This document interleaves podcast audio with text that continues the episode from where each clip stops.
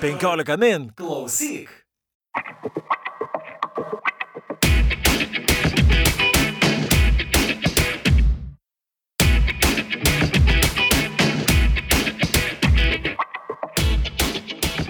Tada perėjom prie vienos ir paskutinės radikalios uh, idėjos, kuri turėjo arba mus galutinai uždaryti kaip verslą, arba galbūt išvesti į kažkokią naują, iš, iš to tunelio į kažkokią dienos šviesą. Vis, absoliučiai, tai buvo pokerė vadinamas all in, visiškas all in, visiškas. Kaip startuoliai keičia pasaulį? Kokius produktus kuria lietuviški startuoliai? Kaip jie prisideda prie globalių pokyčių ir pasaulinių tendencijų? Apie tai du kartus per mėnesį kalbamės tinklalaidėje Technotronika.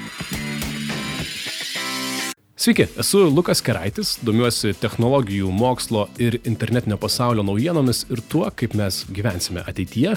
Domiuosi ne šiaip savo, man atrodo, kad gyvename tokiu laiku, kai ateitį galime prognozuoti, ją rinktis ir dėl jos susitarti. Su lietuviškų startuolių kuriejais pamėginsime atsakyti į pradžioje mano užduotus klausimus, tuo pačiu apžvelgsime pačių startuolių atsiradimo istorijas, e, kaip ir sakiau, tai darysime du kartus per mėnesį. O šiandien pirmajame Technotronikos epizode Let's Start with the Big Fish. Vinted platforma leidžia parduoti dėvėtus drabužius internetu ir sako, First Choice Worldwide, tegul iš antrų rankų tampa prioritetu. Ne tik sako, bet ir daro. Platforma vienyje 25 milijonus aktyvių vartotojų, veikia 11 rinkų Europoje, 10 iš jų yra numeris 1. Platformos apyvarta 1,3 milijardų eurų ir, kaip daugelis tikriausiai jau girdėjo, pritraukusi dar 128 milijonus eurų investiciją, Vinted tapo pirmuoju lietuvišku vienaragiu istorijoje. Tai yra startuoliu, kuris vertinamas daugiau nei milijardų eurų. Apie Vinted pakilimus ir nuopolius šiandien pasikalbėsime su Mantu Mikutsku, Mikutsku ar Miku, Mikutsku? Mikutsku, taip. Mikutsku. Vinted bendrai kurėjo ir Chief of Operations. Operacijų vadovu, pažodžiui, bet iš esmės rinkodaros ir pardavimų vadovu. Labas, Mantai. Labas. Ar čia galima išversti lietuviškai Chief of Operations? Vykdantysis direktorius A, Lietuvoje. dar geriau, tai teisingai. Šitą naujo išmokau. Tai man tai smagu, kad esi čia. Žinau, kad tikrai kalbi pastaruoju metu nemažai, pasako istoriją savo visiems. E, Tavęs visi klausia, kaip jautiesi. Man dar įdomiau, ar tau yra svarbu, kad Vinted tapo vienaragiu. Nes man atrodo, smagu visiems, kas yra Lietuvos startuolių ekosistemoje, kas seka jūs, kas seka kitas įmonės, kas jaučiasi dėl to patriotiškai. Kaip pats tai vertina? Ar tai yra svarbus žingsnis? Tai aš iš kelių dimensijų žiūriu, tai žinai, man asmeniškai tai nėra kažkokio labai didelio emocijų, kad čia būtų labai svarbu. A, tai yra tiesiog rezultatas tavo darbo, žinai, ir, nu, gerai įvertinimas, smagu, bet a, man labai smagu dėl to, kad tai yra labai didelis įvertinimas Lietuvai. Iš tos pusės, kad a, mes įrodėm, jog tai gali gimti čia. Reiškia, mes turim tinkamą talentą, tinkamą teisinę sistemą, tinkamą, nu, vi- viskas, visos sąlygos yra tinkamos tokiam dalykam atsirasti, ar ne? Ir tai tampa iš karto a, priežasti. Tai, tai tampa iš karto toks, žinai, nebėra pasiteisinimo kitiems sakyti, ne, mes negalim to padaryti. Lietuvoje ne, neįmanoma, tai ar ne? Jo, aš, aš vis naudoju, žinai, pavyzdį, va, čia, čia kaip sportė, žinai, kažkas e, nubėgo maratoną per ten X laiką, kuris yra naujas rekordas, tai staiga visi maratonininkai supranta, kad, na, čia yra naujoji riba ir aš dabar jos sieksiu, ar ne, ir, ir, ir aš ją galiu pasiekti, nes jis pasiekė. Mhm. Tai, tai čia lygiai tas pats. Aš norėčiau, kad visi, kurie kuria startuolius Lietuvoje, tą matytų kaip, o, tai ir aš galiu. Mhm. Kaip manai, ar tai kažkaip pakeis e, pačios Lietuvos įvaizdį, ar tai pakankamai garsiai nuskambėjo? Bloombergas e, parašė tokią antraštę, kad e, naudoti drabužiai Lietuvai ką tik davė pirmąjį unikorną. Taip, perskaičius tik antraštę, atrodo, kad Lietuvoje uždarėjo milijardo vertės turgus kažkoks, tai gariūnai, ar ne, tapo vienaragiu. Ja, tai čia pasirodo ir ne tik Lietuvoje mėgsta skambės antraštė žiniasklaida. Tai, tai jo, iš tiesų mes dažnai susidurėm su tuo, kad e, žmonės nesupranta, koks yra mūsų verslas, ką mes iš tiesų darom ir ar čia yra prekybos įmonė, ar technologijų įmonė ir, ir taip toliau ir panašiai. Tai E, pirmas dalykas, ką aš visada akcentuoju, kad drabužiai buvo pačioj pradžioj, dabar mes turim jau keturias kategorijas a, daiktų ir tos kategorijos greičiausiai auks. Ir mes tiesiog įgalinam žmonės tarpusavėje prekiauti. Ar ne? Ir tam reikalinga technologinė platforma, kuri būtų patogi, saugi, greita, efektyvi. Tos keturios kategorijos, kokios jos? Tai yra moterų drabužiai, nuo ko mes pradėjom. Tada mes pridėjom vaikų prekes, pradedant drabužėliais, baigiant įvairiais ten vežimėliais, kėdutėm, žaislais ir taip toliau. Tai yra kita didžioji kategorija, kuri pas mus yra dabar labai labai sėkminga. A, trečia kategorija irgi drabužių, bet jau vyrų kategorijos, ar ne, kur mes taiga tampam nuo tokio labai moteriškos auditorijos a, į tokį labiau multi, nežinau, kaip čia pavadinti, unisex tokią mhm. produktą, ar ne. Ir, ir paskutinė kategorija, kurią paleidom ir su ją eksperimentuojam, tai yra įvairios namų apyvokos dekoracijos, prekės ir taip toliau, home decor, tai vadinasi angliškai. Ir taip pat matom labai sėkmingus pirmos ženklus. Uh, ten ir knygos yra ir taip toliau, ir, ir mes tikrai nesustosim, ar ne? Mhm. Tai... Nes aš e, ir galvoju, kad tikriausiai teisingai padariau, e, aš pradžiui pasirašiau tokią informaciją apie Vinted ir įžangą šio podcast'o, e, bet tada visur, kur parašiau programėlį, išbraukiau ir parašiau platformą. Taip, taip save vadinat, platformą, teisingiau taip. tai būtų. Nes tai yra ne tik programėlė, tai yra ir interneto, interneto tinklapis lygiai taip pat. Ir mes patys tų daiktų nesanteliuojam, nekaupiam, jie nepraeina pro mūsų rankas. Mes tiesiog įgalinam sujungti žmonės. Kaip Facebookas sujungia žmonės komunikuoti, mm. taip mes sujungiam žmonės prekiauti. Čia galite įdėti tą nuobodį pasakymą šimtą kartų naudojamą. Kaip Uberis tik be automobilių, taip e, jūs tik tai be sandėlių drabužiams, ar ne? Taip. Aha, kiek dabar žmonių dirba Vinted, kad suprastume, koks yra jūsų mastelis? Aš trumpai paminėjau, 11 mm, rinkų Europoje, ar yra dar ir ne Europoje jų? Yra JAV, kuris mūsų buvo toksai pasvilęs blinas, jis vis dar keptuvėje guli ir mes galvojam, ar naują kepti, ar ką čia mhm. daryti, mhm. bet kol kas fokusas yra Europoje. Aha. Kiek žmonių dirba Vinted šiuo metu? Lietuvoje mes turim 320 kelis, turbūt artėjom prie 330, nes kasdien tas skaičius keičiasi, aš jo ne visada susieku.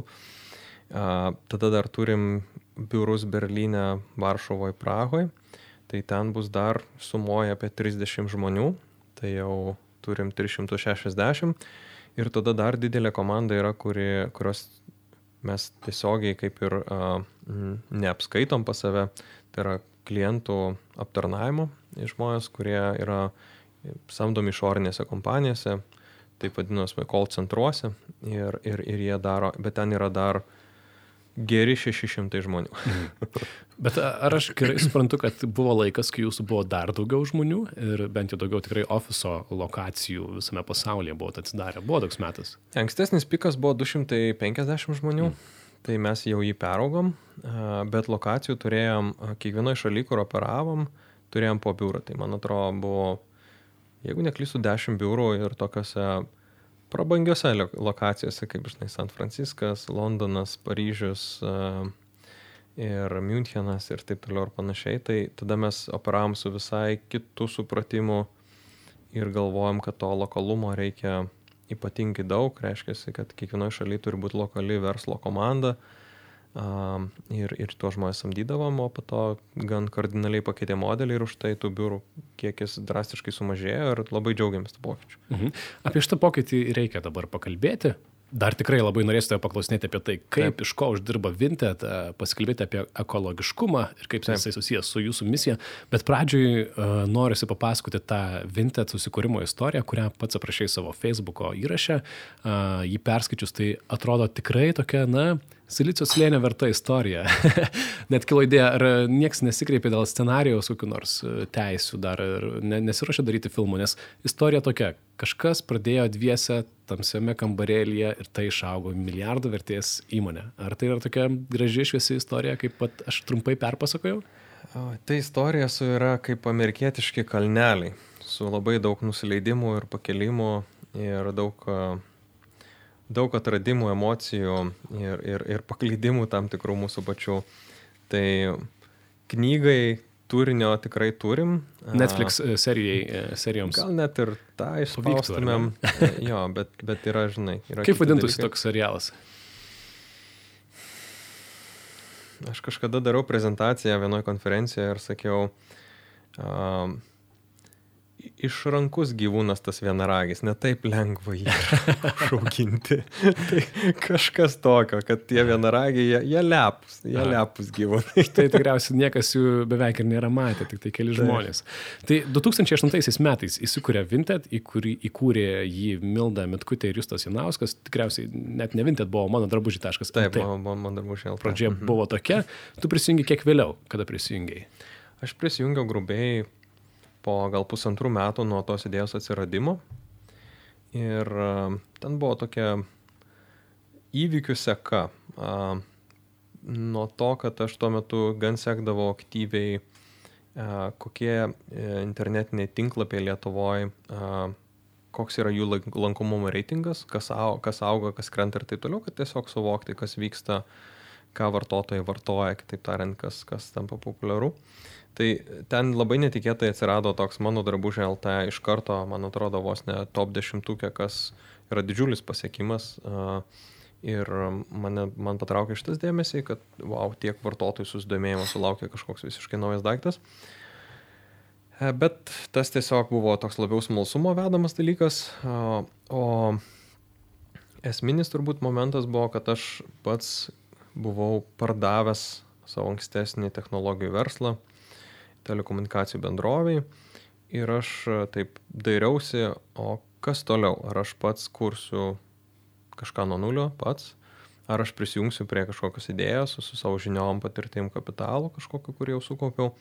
Ir abi idėjos atrodė lygiai vertės, aš e, ir, ir, ir į savo knygelę užsirašinėjau įvairias idėjas ir bandžiau jas, e, kaip sakant, tikrinti ir, ir, ir sustiknėdavau su labai daug žmonių technologijų sektoriui, kurie kažką kūrė ir, ir, ir bandydavau gilintis tai, ką jie daro, ar jiems reikia kažkokios pagalbos, ar aš galėčiau būti tos, tos komandos dalimi, ar man tai būtų pačiam įdomu. Ir e, sustikau Justą su Milda tokiam, oi tai buvo tokia labai labai pradžia viso to startuolių judėjimo, buvo tokia Startup Lab, Labs erdvė Vilniaus senamestėje kažkokios apleistos patalpos, man atrodo, savivaldybei priklausančios už ten labai pigiai išnuomotos mhm. viešą įstaigai, kuri tiesiog nu, padarė tokią vietą, kur gali susiburti uh, žmonės darantys startuolius ir ten sėdėti, dirbti, apsikeisti patirtim ir taip toliau. Nu, tai aš ten irgi leisdavau laiką. Nes iš tiesų prieš dešimt ar šiek tiek mažiau metų tie startuoliai buvo toks karštas, karštas žodis. Mėtėmės kaip karšta bulvė juo. Viskas sukosi apie startuolius tuo metu. Nu, ne, žinok, aš sakyčiau, kad prieš gal kokius šešis metus mėtėmės, prieš dešimt metų daug kas klausdavo, ką tai reiškia. Mes neturėjom nei vieno fondo, kuris investuotų. Mes neturėjom angelų, kuris... 13, tai teisingai, dar netiek ir seniai. Ne, žinok, tada mhm. tai buvo kažkas visiškai ne, nepačiupinėjimo dar mūsų erdvėje, ar ne, net toks terminas nebuvo labai populiarus. Mhm. Bet tai kai prisijungiai prie jų, ar iš karto turėjai tą idėją, turėjai tą jausmą, kad čia kažkas yra didelio, ar tai atrodo, na, nebloga idėja, pamėginkim, koks buvo jausmas? Jo, tai aš gal aš nebaigiau pasakoti, bet kokie mano buvo tada kriterijai vertybiniai ir jie nepasikeitė nuo to laiko. Aš, aš tuo metu ieškau e, arba idėjos, su kuria pats startuočiau ir daryčiau pats, arba komandos, kurią tikėčiau ir prie jos prisijungęs e, tikiu, kad mes kažką įdomaus sukursim. Tai antroji atveju aš sutikau Justą su Milda, aš pasikalbėjau ir aš supratau, kad aš sutikau komandą, su kuria galima labai daug nuveikti. Du labai talentingus, labai kūrybingus žmonės, kurie masto arba labai stipriai į priekį, arba yra tiesiog keistuoliai. Ta reikės patikrinti. Bet žmonės kitaip žiūrėjo į dalykus. Ir mane tas labai patraukė ir aš pagalvojau, wow, net jeigu ir nieko nesigaus, bus labai įdomu su šitą komandą kartu padirbėti ir pabandyti kažką su to skurti. Na nu, ir žinoma, tas lankomumas, kurį mačiau mano darbužiai tinklapio, jis taip pat kažkur man ten nugaroje rėkia, kad e, čia kažkas yra, ką vartotojai mėgsta, čia reikia gilintis, vartotojai rodo, jog, jog tai yra įdomu ir pagalvoju, jeigu mes sugebėsim kažkaip iš Lietuvos iškraustyti šitą idėją bent jau į Lenkiją, bent jau į Lenkijos dydžio rinką, mes būsim ganėtinai sėkmingi. Ir, ir ta, ta idėja mane uždegė. Su šita komanda, su šita idėja, ją reikia kuo greičiau eksportuoti ir pažiūrėti, ar mes sugebėsim, ar tai yra Lietuvos fenomenas, ar tai yra e, nauja idėja, kuri pritaptų bet kurioje didelėje rinkoje. Mhm. Bet ar tu taip drąsiai iš karto galvoji apie užsienio rinkas? E, iš karto sakai galvoji, ar, ar Lenkijoje prigytų, ar dar kažkur kitur, nes nemažai mm, su turiniu susijusių idėjų arba šiaip lietuviškų verslų jie užauga Lietuvoje ir tuo kartais ir pasibaigia, ar ne? Tas atrodo žingsnis į užsienį, tau jisai skamba lyg buvo labai natūralus ir nejaugi jis nebuvo toks. O, jis buvo baisus. labai natūralus iš to, kad aš prieš tai 8 metus dėliau verslą tik Lietuvoje su Lietuvos klientais. Ir technologijų srity taip pat, bet aš buvau E, turėjau paslaugų teikimo įmonę, kuri teikia interneto serverių nuomos paslaugas ir taip toliau. Ir aš pamačiau, kokia, kokia maža yra šita rinka ir kaip greitai jinai išsisėmė, ar ne. Ir aš supratau, ir tai buvo priežastis, kodėl aš pardaviau tą verslą. Man jis patiko, bet aš nežinau, kaip jį išplėsti už Lietuvos ribų ir mačiau didelę konkurenciją. O Lietuvoje aš mačiau labai ribotumą, kiek, kokio dydžio jis gali tapti, ar ne. Ir aš supratau, kad man neįdomu. E, ir, ir na, man pasisekė padaryti tą sandorį, aš labai jau džiaugiuosi ir tada prasidėjo naujas etapas. Tai, tai po šito etapo aš žiūrėjau tik tai tai, ką būtų galima replikuoti už Lietuvos ribų, na, gerokai didesnėje rinkoje. Mhm. Ir, ir tai mo, mo, mano pagrindinė varomoji jėga. A, kaip atrodo žengimas į užsienio rinką iš Lietuvos? A, ką reikia apgalvoti? Nes na, negali pažinoti tų rinkų taip gerai, kaip pažįsti Lietuvą, ar ne? Ir būtent man įdomu, ar tu turi tuomet ten vietoje ieškotis gerų partnerių, kurie žino, kaip viskas veikia, ar gali iš čia, būdamas Lietuvoje, gerai suprasti visus procesus, rasti savo konkurentus ir panašiai. Jeigu kalbam, žiūrint, kas tas užsienis, jeigu kalbam apie Europos, tarkim, šalis aplinkui mus ar tą pačią Europos bendryją, tai mes tam užsienį šiek tiek mistifikuojam. Globalizacija yra padariusi savo paslaugą ir rinkos yra labai labai stipriai suvienodėję, vartotojų elgsena yra labai suvienodėjus. Jie naudoja daug globalių produktų ir, ir jiem yra suprantami dauguma, dauguma tų, tų produktų, kaip jie veikia ir, ir, ir tų konceptų, taip vadinam, ar ne.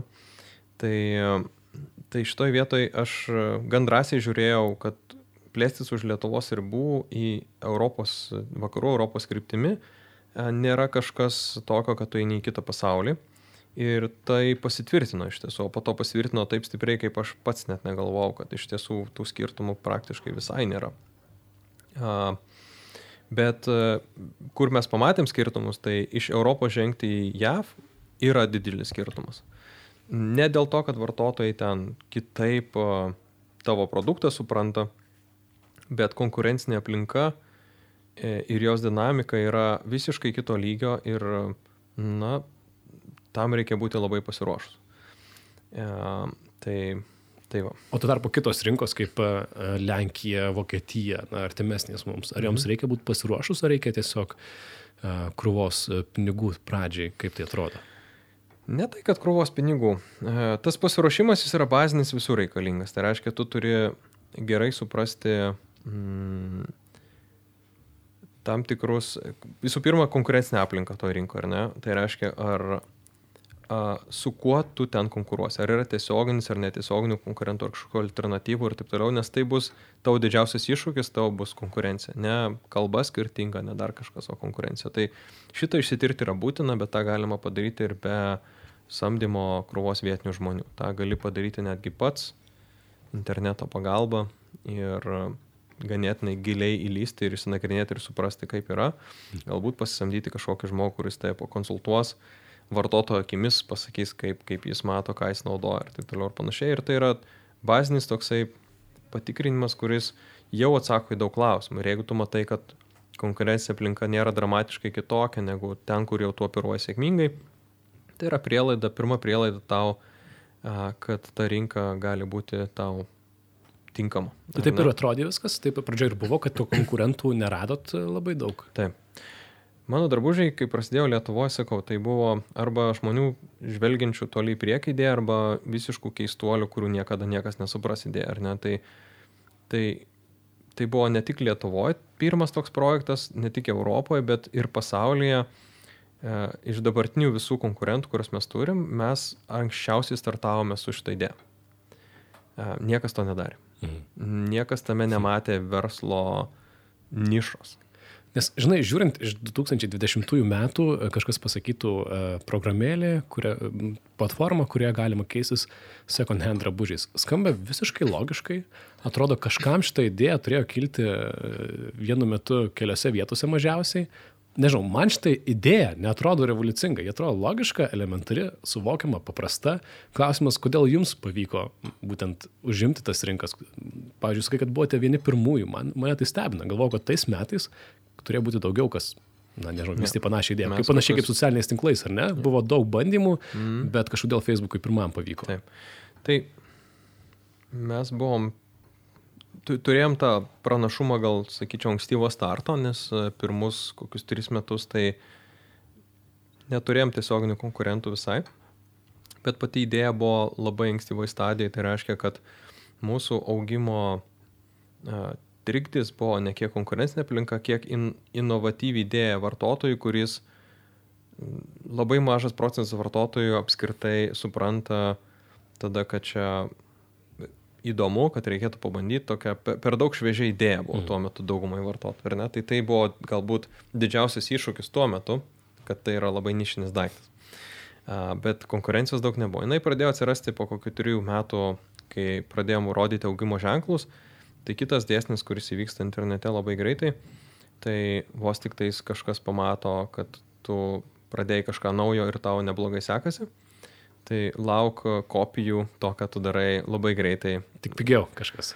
Įvairiai, įvairiais kampais. Kažkas Aha. pigiau, kažkas dar geriau bando skurti, kažkas dar kažkokiu kampu ir jų pridyksta labai staigiai.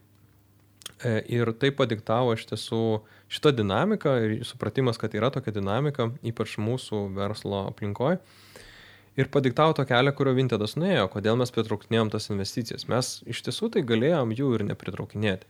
Bet tai būtų reiškia, kad šiandien dienai mes apie Vintedą greičiausiai net nekalbėtumėm ar kalbėtumėm apie kaip labai nišinį daiktą, galbūt Lietuvoje ir dar kokio nors vienoje rinkoje, ar ne?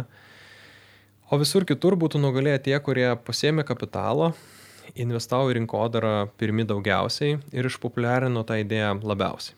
Ar ne? Ir tai yra verslo modelis, kuris, kaip ir dauguma kitų interneto verslų, su nedaug išimčių iš tiesų, kur tu pradžioje turi padaryti didelės investicijas į priekį, sukaupti vartotojų bazę, tą kritinę masę, apsitvarkyti su konkurencija, tai reiškia užimti tą kažkokią tai tvirtą rinkos poziciją Ir, ir, ir, ir per, per tą tu turi pereiti kuo greičiau.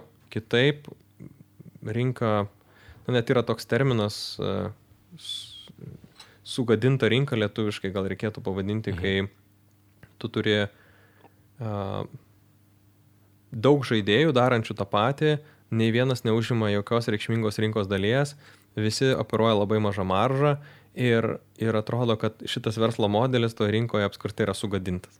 Niekas neuždirba, visiems blogai. Tai, tai yra rizika į tokius pastus patekti, jeigu tu auksi per lietai ir aplink tave e, pridyks dar panašių konkurentų, panašaus dydžio ir mhm. jūs visi būsit toj pačioj dimensijoje. Tai vyksta, kai niekas nes, nes, nesima lyderiauti, ar ne? Taip. ne nes ne, nebando pritraukti daugiau investicijų ir išsiveršti į priekį, bet Taip. Tai kaip suprantu, tuo metu tau ir buvo didžiausias uždavinys - pritraukti investicijų, auginti vartotojų bazę, ar ne? Kažkas tokio. Aš prisijungiau prie mano drabužiai tuo metu, po to pervadinom į Vinted, su labai paprasta mm, mm, planu. Aš tapau pirmoju investuotoju, nes tuo metu Justas ir Milda jie buvo, turėjo savo darbus, kuriuose uždirbdavo savo atlyginimą o mano drabužiai buvo hobis, kurioje jie užsimdavo po darbo, nes jis nenešė jokių pajamų. Ir mano prisijungimas buvo su tokia sąlyga, kad aš ateinu, investuoju. Tas investavimas reiškia, kad e, jie gali mesti savo darbus ir susikoncentruoti tik į šitą projektą. Reiškia, kad mes galim pasamdyti dar keletą žmonių, kurie sustiprins komandą, ar programuotojai, ar, ar kažkokie produkto žmonės, ar ne. Ir aš prisėmiau rolę uh, užsienio plėtra. Tai reiškia, kad uh, reikėjo paleisti užsienio rinkas ir įsitikinti, kad šitas modelis veikia už Lietuvos ribų. Ir, ir tą mes darėm. Mhm. Ir atrodo, kad jums neblogai sekėsi, kaip ir minėjom pradžioje, atidarinėjot um, biurus visame pasaulyje, iš esmės tikrai egzotiškose vietose. Ir iš karto, mm, žiūrint į tas lokacijas, jos atrodo pakankamai brangios. Tai tokie atrodo, lyg tarsi buvote drąsus, ar ne, ir pakankamai nutrūktgalviški. Bet man įdomu, kaip jūs atsidūrėt situacijoje, kai jums pinigų įmonėje liko 7-8 mėnesiams į priekį. Taip. Šią istoriją, man atrodo, kas domisi startuolius, ten Lietuvoje taip pat yra girdėję.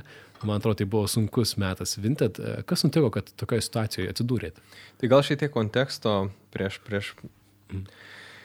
nueinant iki, iki tos istorijos pusės, tai reikia suprasti, kad praktiškai kiekvienas startuolis, jis turi tris gyvenimo stadijas, ciklus, kaip čia pavadinti.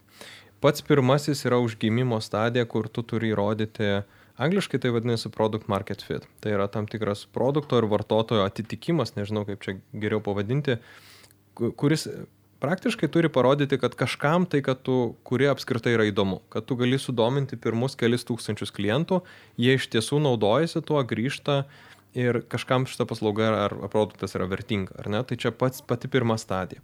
Tai aš atėjau į mano drabužiai, jau šita stadija buvo įvykusi, nes e, buvo tinklapis, kuris turėjo lankomumą e, ir rodė, kad vartotojams jis yra įdomus, ar ne? Tada yra antra stadija, kuri reiškia įrodyk, kad tu gali aukti, ar ne? Tai reiškia, na gerai, smagu, kad tu turi kelis tūkstančius klientų, įrodyk, kad gali turėti milijonus klientų. Nes jeigu negali, tai, na, tai yra nišinis verslas niekam, niekam arba iš, iš stambių investuotojų jis yra neįdomus, ar ne? A, ir tas įrodyk, kad tu gali aukti, ta stadija pas mus tęsiasi įmonė gal kokius 4-5 metus. Ir tai buvo ta agresyvi plėtra, kur mes paleidžiam, nu, pavyzdžiui, paleidžiam Lenkiją, ar ne?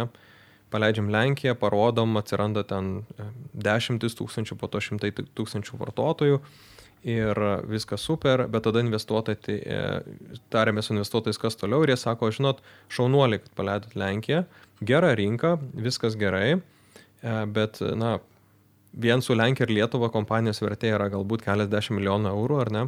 Dabar einam į kito, kitų nulių zoną, ar ne, į šimtų e, milijonų zoną, ar ne? Įrodykit, kad galite paleisti sudėtingesnę rinką negu Lenkija, nes Lenkija jų vertinimu yra tokia, na, arčiau rytų Europos, mažiau konkurencijos, lengviau viską padaryti, pigesnį rinkodarą ir taip toliau ir panašiai. Ir jie tau duoda tokią iššūkį ir sako, paleisk vieną sudėtingesnių rinkų Europoje, tai yra Prancūzija. Eini, paleidi Prancūziją, Prancūzijai vėl atkartojam tą pačią sėkmės istoriją, auga vartotojų bazė, viskas super, rezultatai iš vartotojų augimo pusės geri, tai reiškia, kad mes e, toj stadijai proof that you can scale na, jau kaip ir tampam sėkmingais ir, ir, ir, ir tada ta stadija užtesi, kad pririnkti tų vartotojų kuo daugiau ir kuo greičiau auginti tą bazę, tai atsidarėm ir kitas rinkas Europoje. Tam, kad kuo greičiau aukti, pasirinkom tokį modelį, kad pasamdom vietinės komandas, kurios rūpinasi vietinė rinkodara, vietinius tokius kaip ir to šalies vadovus, ar ne? Tai mums tuo metu pasirodė, kad šita struktūra mums padeda greičiau aukti. Mes taip ją darėm, už tai tie biurai atsirado. Biurai atsirado tuose miestuose todėl, kad, na, ieškom geriausio talento, ar ne? Tai tu uh, San Franciske atsidarai arba Paryžiuje ofisą, nes ten talentingiausi to šalies žmonės dirba, ar ne? Tai ir žmonės samda iš Amazono, iš Google, iš Facebook'o. Ir mes per šitą stadiją praėjom labai sėkmingai. Turiu omeny, kad mus vertino kaip savo kategorijos lyderiais. Aišku, tai buvo kaštų prasme brangus, brangus procesas, dėl to reikėjo vieno, antro raundo ir, ir jų dydis dėjo, ar ne, jeigu pradėjom nuo penkių, tai tada atsirado sekantis raundas jau 20, po to ten mhm. dar daugiau. Dažniausiai mirštama yra pirmoji, antroji arba trečioji stadija. Ne? Turi, mhm. turi tris, tris tuos pereiti etapus ir jie visi yra savotiškai sudėtingi ir tokie lūžio momentai. Ne? O po antro seka trečias, kuris nužudo labai labai didelę dalį startuolių. Ir tai yra, okei, okay, tu įrodai, kad tu gali turėti daug rinkų, šimtus tūkstančių, gal net jau milijonus vartotojų, ar ne? Bet tu esi iš verslo pusės žiūrint, tu esi pinigus degananti mašina. Taip. Tavo yra beprotiškos išlaidos ir beveik nulis pajamų, nes kol kas tu fokusavaisi, kaip vartotojai kuo patraukliau pritraukti į savo platformą ir išlaikyti toj platformai. Tai reiškia, kad tu neėmėjai už nieką jokių pinigų, produktas tau buvo nemokamas ir taip toliau. Ir taip, taip užaugo nu, didelė dalis technologijų kompanijų, ko mes dabar nesusimastom. Google'as pradėjo nuo nemokamos paieškos, neliko nemokama, bet po to atrado reklamos modelį, ar ne? Facebook'as buvo nemokamas, liko nemokamas, atrado reklamos modelį. Spotify'as buvo nemokama, programėlė klausyti muzikos, atsirado premium e, servisas, tai lygiai taip pat Vintedas buvo nemokama platforma žmonėms prekiauti. Bet ateina diena, kai tu susimastai, kad tavo išlaidos yra milijonas eurų per mėnesį. Mhm. Ir, ir jos auga. Tęstis negali. Ir taip tęstis negali. Ir, ir tada yra trečia stadija, kur tu turi įrodyti, kad tu turi verslo modelį. Tai reiškia, tu turi tapti pelningu, nebūtinai absoliutinė prasme, bet uh, įrodyti, kad tavo vartotojų įsigijimo ir išlaikymo kaštai yra mažesni už vartotojus gaunamas, pa, gaunamas pajamas iš vartotojų. Ir tu gali tam tikroje siauroje dimencijoje, tai yra padaryti vieną iš rinkų pelningą ir sakyti, okei, okay, štai pavyzdys, viena rinka pelninga su gera pelno marža, tai mes ir kitas galėtumėm padaryti pelningas. Ir perimas iš antros į trečią mus praktiškai paklub, parklubdė, nes mes viską įsivaizdavom ir mūsų, su mūsų investuotojų patarimais, kurie pasaulinio lygio investuotojai investavę į kompanijas kaip Facebook, Spotify. Ir mes visi prieėm prie tokio konsensuso, kad labai logiškai, jog mūsų platformoje pardavėjas turi mokėti komisinį mokestį mm. Nuo parduoto daikto, ar ne? Mm. Ten 15 procentų, kaip pavyzdys, ar ne? Atrodo tikrai paprasta, logiška idėja. Labai logiška Aha. idėja, Excelį atrodė fantastiškai, patraukliai, įvedam šitą mokestį, nuo kitos dienos mes tampam pelningais. Ir toliau augam tada ir viskas super, ar ne? Ir mes įdėgėm šitą mokestį ir mes pamatėm, kad ne viskas taip paprasta. Vartotojai jo mokėti nenori. Hmm. Ar gali būti, kad jie priprato prie to nemokamo ir, ir, ir, ir labai... E, sunku pasakyti, bet e, aš sakyčiau, kad labiau vartotojai susimastė apie alternatyvas, kai tavo produktas tapo mokamas, jie pradėjo galvoti, o gal aš galiu kaip nors kitaip ir kitur pardavinėti nemokėdamas, ar ne? Ir, ir mes iš tiesų praradom visą tą vat, šešis metus kaupėm vartotojų bazę, labai daug investavom ir taip toliau. Ir mes per kokius sekančius 6-8 mėnesius praradom beveik pusę savo vartotojų.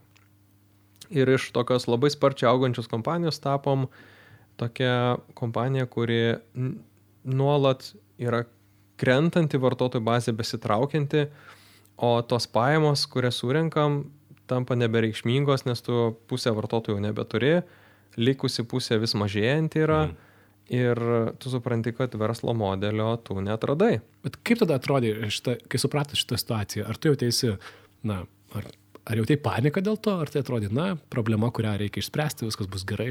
Uh, nežinau, aš gal iš kitų gyvenimo situacijų išmokau, kad e, panika yra niekada neatsakymas ir neišeitis. Tai panikos nebuvo niekada. Tiesiog buvo daug uh, konstruktyvaus darbo, ir bandymo suprasti, kodėl taip yra, ką galėtumėm dėl to pakeisti ir nuolatinis iteravimas pradžioje tokiam uh, mažiau drąsiosnėse plotmei, tai dirbom ten su to mokesčio dydžiu, komunikacija ir taip toliau ir panašiai, tokius kosmetinės priemonės taikėm, kai supratom, kad kosmetinės priemonės iš esmės nekeičia verslo uh, fundamentų, tada perėjom prie vienos ir paskutinės radikalios uh, idėjos, kuri turėjo arba mus galutinai uždaryti kaip verslą, hmm. arba galbūt išvesti į kažkokią naują, iš, iš to tunelio į kažkokią dienos šviesą. Kas tai buvo per idėją? Aš, ar aš teisingai suprantu, kad uh, atėjęs naujas žmogus, tai Tomas Platenga uh, iš Junktinių valstybių, berots jį prisviliojo, ar jisai jums padėjo išlipti iš tos dobės, kaip tai atrodė? Čia buvo tokia atsitiktinumų grandinė. Mes iš tiesų toj situacijoje jau sėdėdami buvom ganėtinai išsisėmę su savo idėjom, nes išbandėm labai daugą ir nedavė tai didelio ir stipraus rezultato. E, mūsų investuotojų tarpe atsirado vienas žmogus, kuris e, parekomendavo, sako, aš čia noriu supažinti jūsų tokiu jaunu, energingu vaikinuku, kuris yra patyręs, protingas ir taip toliau, sako, nu va toks kaip jūs ir, ir jūs gal kažkokiu gerų idėjų kartu sugalvosite, ar ne? Tai taip atrodė tas, tas, e, tas pristatymas Tomo. Uh, mes suskambinom su Tomu, pasakom apie jam apie savo situaciją ir pirminis Tomo atsakymas buvo, kad, e, nu, suprantu jūsų problemą, bet nelabai galiu ko nors padėti. Nes jis pats nelabai tikėjo, Aha. E, jis pats nelabai tikėjo to verslo modeliu, kurią mes darom, ar ne? Jis pats nelabai tikėjo, kaip iš to uždirbti pinigus. Ir, ir, bet mes tada po to pasikalbėjimo su juo nusintėm jam elektroninį laišką su mūsų augimo istorija, kokios buvo mūsų augimo metrikos, vartotojų kiekiai ir taip toliau ir panašiai. Ir sakėm, žiūrėk, Tomai, nu, tiesiog užmes kakį, gal tau kažkokių įdomių dalykų dar pamatysi ar kažkokių idėjų kils. Ir, ir tada jis mums atrašo po kelių dienų, sako, wow, čia jūsų tikrai buvo toks augimas iki, iki tol, kol jūs pakeitėte tą, tą, tą modelį iš nemokamą į mokamą. Sakom, taip, sako, aš nemačiau taip augančios kompanijos jau daug metų. Mm su, su tokiu vartotojų prieaugiu ir tokiu prisirišimu prie produkto ir sako, nu, gal čia yra tema, gal reikėtų mums pasinagrinėti. Ir tada mes jį šiaip taip prisikvietėm iš New Yorko atskristi į Vilnių trim savaitėm už gan didelį konsultacinį mokestį, bet tai mums tada neberūpėjo. Mes žinojom, kad nu, mes sudegsim per penkis mėnesius, jeigu nepadarysim radikalių pokyčių ir mums bet koks, bet kokia drąsesnė idėja atrodė svarstytina, nes jau su kosmetiniam buvom atsižaidę, su kosmetiniais pakeitimais. Tai va, tai ir tada mes sėdom e, trysia, aš Justas ir, ir, ir Tomas. Ir, ir tada, kaip suprantu, jau situacija buvo tokia, kad arba viskas, arba nieko. Vis, absoliučiai. Tai buvo pokerė vadinamas all in. Visiškas all in, visiškas. Aha. Taip, ir, nu, ir mes radikaliai pakeitėm savo, ten buvo trijų žingsnių toksai planas, kurį mes pasidarėm kartu trysia. Tai na, mes supratom, kad turim sumažinti savo sąnaudas ir, ir nukirpti jas per pusę. Tai buvo labai labai skausmingas procesas atsisveikinti su daug talentingų žmonių. Antras dalykas, supratom, kad vartotojai nenorės mokėti to mokesčio ir neverta su to kovoti, reikia pereiti prie paslaugų siūlymo, kurios nebūtų privalomos ir vartotojai teiktų vertę už tokią kainą, už kokią jis tiktų pirkti, ar ne, taip labai sutrumpintai. Ir trečia buvo, kad mes uh, vis dar operuojam su tokiu produktu, kur e, mas, žmonių masiai sunku jį a, suprasti. Ir mes turim pasirinkti labai galingą marketingo rinkodaros kanalą, kuriuo galėtumėm parduoti žmonėm idėją prekiauti tarpusavė tais daiktais, ar ne? Tai mes pasirinkom labai tradicinį kanalą televiziją. Hmm bet ten tu turi eterį, klipus, 10, 20, 30 sekundžių, per juos gali paaiškinti žmogui, kodėl, kodėl jis turėtų tai pabandyti bent jau, ar ne. Ir šitų trijų dalykų kombinacija, ji radikaliai pakeitė mūsų trajektoriją augimo. Radikaliai. Mes, mes pradėjome aukti tokiais tempais kaip niekada iki tol, ar ne? Ir tai išvedė mus į visiškai kito, kito lygio žaidimą. Mhm. Televizija tikriausiai vienas netikėčiausių kampų šitame, šitoje istorijoje, kad pasirinkot būtent ją. Na, man atrodo apskritai, kad šitas epizodas, kai jums buvo e, riesta, norėjau kitą žodį pavardot, bet jums buvo riesta, uh, tai Netflix'e užims kokias e, penkias serijas bent jau, kai bus serialas apie jūsų visą iš, iškilimą. Aš noriu dar pakalbėti apie ekologiškas visas idėjas ir man įdomu, ar Vinted, kai kūrėsi pradžia, kai buvo mano drabužiai.lt, ar tuo metu galvojot, kad na, tai kažką duos ir gero pasaulį, ar ne? Mažiau drabužių bus pagaminama, daugiau žmonės nešios senus rūbus. Ar, ar tuo metu tai tiesiog atrodė gera verslo idėja? Nes man atrodo, kad 2010 ar 2008 ar, ar šiek tiek vėliau tos žaliosios idėjos, ekologiškumas dar nebuvo tokia karšta tema kaip dabar. Ja, tai iš tiesų nebuvo karšta tema, bet e, mes viduje apie tai jau kalbėdavom. Ir e, tai galbūt nebuvo mūsų visiškai pradinis ir pagrindinis motivatorius, mūsų motivatorius buvo tai, kad mes matėm, jog žmonės, kurie naudojasi šitą platformą, labai patenkinti yra, laimingi ir džiaugiasi, staupė pinigų ir atradė kažką unikalaus ir taip toliau ir panašiai. Bet mes supratom, kad to šalutinis efektas, kurį mes labai labai mylim, yra tai, kad tai prisideda prie tvaraus vartojimo. Ir, ir labai tikėjomės, kad uh, ta idėja plėsis ir auks ir žmonių galvose jinai taps vis svarbesnė ir taip atsitiko ir, ir, ir tai vyksta ir mes to labai labai džiaugiamės. Mhm. Ar pats, e, kaip pats žiūri į planetos ateitį? Nebijoju, kad seki visus įvykius, protestus ir panašiai. Ar esi optimistas planetos atžvilgiu ar pesimistas, e, kalbant apie visus ekologinius dalykus šią akimirką? Planetos atžvilgiu esu optimistas, nes planeta niekur nedings. Jis atsi, gali labai nuspręsti atsikratyti parazituojančių žmonių. Mhm. A, Tai ir jeigu žmonės nenustos parazituot, tai taip ir atsitiks, planeta jų atsikratys. A, Tam yra jos būdai labai efektyvūs. A, tai esi šios idėjos šalininkas, nes čia yra dar viena iš, iš tikrųjų, yra šios idėjos šalininkų, kurie sako, kad, na, o kodėl tai planetai neegzistavo toliau be žmonių, galbūt taip ir nutiks, ne? puikiai restartinsis. Jau ne kartą tą darė, sėkmingai rodė, kad gali, buvo dinozaurai, buvo tas anas, jokių problemų. Aha. Man atrodo, Procesą čia- res, restartuos. Žiūrint ir iš startuolio pozicijų, iš startuolio logikos, ar ne, tai yra normalus e, žingsnis. Atsinaujinimas, e, Visiškai. naujas etapas Žemėje. Tai gali... Aš net taip, jeigu taip giliau dar pamastai, tai galvoju, gal tai yra labai logiškas ir normalus evoliucinis procesas, nes evoliucija gali norėti kaž, kažkokios gyvybės formų, kurios yra tvarios. Mes su savo elgesiu demonstruojam visišką netvarumą ir galbūt evoliucija nuspręs, kad nu, tai reikia to atsikratyti, nes čia yra nesėkmingas eksperimentas su šita rase.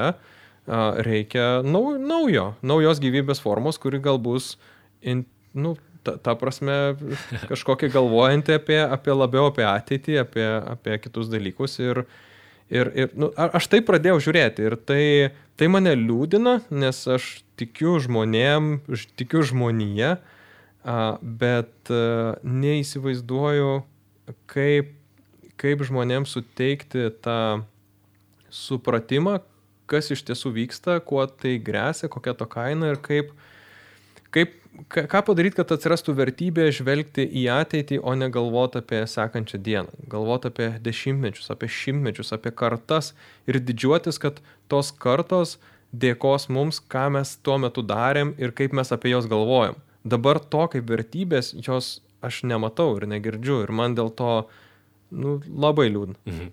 E, Bet jeigu sufeilins žmonija, tai dar nereiškia, kad sufeilins ir visa planeta. Oi, ne, Įsivaizduoju vaik. tokia idėja. Visatos mastuose čia bus vienas bliksnio trukmės eksperimentukas ne visai pavykęs ir po to dar įvyks šimtai jų. Mhm. Tai stengiasi į save žiūrėti taip pat iš, iš amžinybės perspektyvos.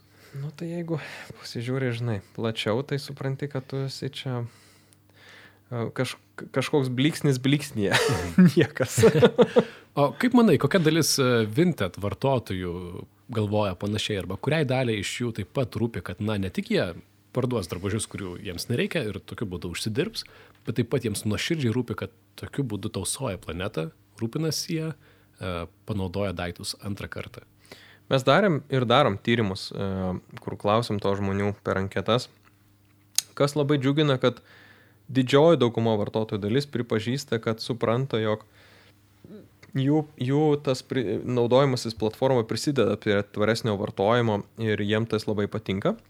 A, Jie taip pat yra labai sąžiningi su mumis, e, atsakydami, kad tai nėra pagrindinė, da- dalį jų nėra, tai nėra pagrindinė priežastis naudotis, nes jie nori rasti unikalių daiktų, sutaupyti galbūt pinigų ir taip toliau ir panašiai, bet tai yra labai svarbi motivacijos dalis.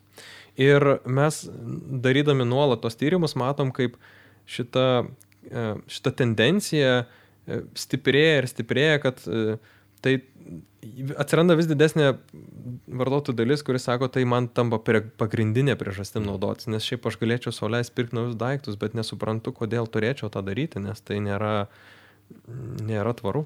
Mhm. Ir ne, nebėra tai, kas kažkaip mums teikia džiaugsmą tikriausiai, ar ne? Keičiasi karta, man atrodo, keičiasi supratimas Keičiasi. ir tikėtina, kad ši tendencija, kurią dabar pa- paminėjai, pastebėjai, aš kaip suprantu, jinai tik tai auks, ar ne? Ir gali būti, kad ateityje tai bus pagrindinė priežastis. Aš labai džiaugiuosi, kad jinai auga, labai tikiuosi, kad auks ir a, tik labai gaila tos kartos, kad a, jie tampa situacijos įkaitais, nes a, tai, ką mūsų karta daro, labai stipriai paveiks juos, o galbūt jie dar nėra pozicijoje taip įtakingai įtakoti, kas dabar vyksta, o jiems reikės kovos su pasiekmėm, ar ne? Vakarėlis mūsų, o tušti, tuš, tuš, tušti buteliai bus jų dėja.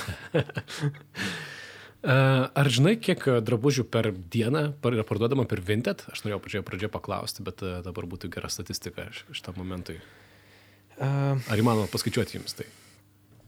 Taip, aš galiu greitai pabandyti Mm. skaičiuoti. Gerai. Jeigu mes uh, turim 1,3 milijardo apyvartą. Gaila, kalkulatorius tokius skaičius ne, nepalaiko. A, tu dabar su kalkulatoriumi. Tai per dieną yra apie pusantro milijono daiktų. Pusantro milijono per dieną. Taip. Ar bandėte paversti tai, e, nežinau, CO2 mm, pėtsakais arba kitomis? e, nežinau, Tiesą pasakius, aš prie to dabar asmeniškai visai dirbu ir a, bandom įsigilinti šitą temą ir suprasti, ką tai reiškia aplinkos poveikio prasme ir kaip, kaip panaikinti bet kokį efektą, kuris dar likęs, pavyzdžiui, tai, kad žmonės, kai vieni kitiems siunčia per siuntų tarnybas, tai ten kažkiek to CO2 susigeneruoja, mes bandom įsivertinti kiek ir bandom ieškoti būdų, kaip mes galbūt galėtumėm tą arba sumažinti, arba neutralizuoti, kažkur galbūt mišką pasodinus, pavyzdžiui. Tai, tai dabar vienas iš tokių vat, projektų labai smagių, kuris man pačiam asmeniškai patinka, aš jį koordinuoju ir, ir, ir, ir manau, kad kitais metais mes išeisim daugiau į viešumą su šitą temą, įsigilinę į skaičius ir, ir nenorim spekuliuoti, nenorim mm. labai čia dabar sakyti, kad mes čia tiek sutaupėm, patys nesuprasdami, kiek iš tiesų sutaupėm. Tai mm. tyriam, gilinamės. Jo, nereikia paviršutiniškai kalbėti, kadangi CO2 medžių sudinimas čia mes abu iš tikrųjų tokiais paviršutiniškais e, planetos gelbėjimo e, pavyzdžiais pasidalinom, bet uh, aš tikiu, kad irgi link to eisit ir man atrodo, kad vartotojai to vis labiau norės. Tai man tai šią akimirką jau pasiekit vienaragį, uh, pagauti jų už rago, kaip ir sakai, pats bu- buvo ne, ne, ne taip ir lengva. Ties kuo dabar koncentruosisi? Kokie esminiai iššūkiai dabar yra kelių metų į priekį? Ar, ar, ar toliau į priekį matuoji, kaip ir sakei, mėgsti žiūrėti iš e, ilgesnės perspektyvos? Kaip toliau į priekį manai numatyti? Tai atsiranda daug kitų faktorių. Tai visų pirma, tas milijardo vertė tai tikrai ne, ne jokia galutinė stotelė ir mes matom, kad ta vertė gali dar stipriai aukti, kartais aukti, jeigu mes toliau sėkmingai ir koncentruotai dirbsime prie, prie to, prie ko dirbam. E, tai darysim tą visų pirma. Antra, mm, aš matau vis stiprėjančią tokią socialinę misiją iš tos pusės, kad a, aš labai norėčiau, kad tokių kompanijų atsirastų daugiau Lietuvoje. Tai stengiamės būti gerų pavyzdžių, stengiamės patarti, pagelbėti, kas į mus kreipiasi ir, ir, ir suteikti šansą ir kitiems e, ir padėti jiems, kad atsirastų. Tai čia man tai yra labai svarbu, nes ne vienos kompanijos sėkmė Lietuvoje turi būti technologijų. Daug, daug mes tų, tų vienaragių čia turim turėti ir galim. E, Jeigu estai turi keturis, per keptą paskaičiuojam, tai Lietuvai priklauso bent 6-7. tai va, tai, tai šitas. Ir e, grįžtant prie tų žalių, žalių ekologinių klausimų, tai kuo platforma mūsų didesnė, tuo daugiau mes galim turėti tame svorio, įtakos a, ir to teigiamo kažkokio tai pokyčio padaryti, tai vėl tą suvokdami stengiamės atsakingai tai žiūrėti ir išnaudoti savo, savo poziciją tam, ar ne? Kad, kad nu, jau jeigu atsidūrėm tokioje pozicijoje, kur, kur per mus vyksta tie milijonai transakcijų ir, ir tie milijonai vartotojų naudojasi, tai pabandykim tą įdarbinti kažkokiam tai geram tikslui visą tai. Jo, jeigu darom gerą, tai kodėl jo nepadarius iki galo, ar ne? Taip. Tai ačiū tau, man tai labai, ačiū, kad sudalyvavai šiandien pirmajame Technotronikos epizode. Ačiū, kad papasakojai, man atrodo, buvo beprotiškai įdomu sužinoti tuos tris etapus, kuriuos turi praeiti kiekvienas startuolis, man tai atrodė labai naudinga. Ir e, sėkmės su kitais darbais, laukiam kitų e, vienaragių ir ne tik, tikiuosi, kad taip pat turėsi progą prie jų prisidėti. Tai ačiū tau. Ačiū, Lukai. Iki. Iki.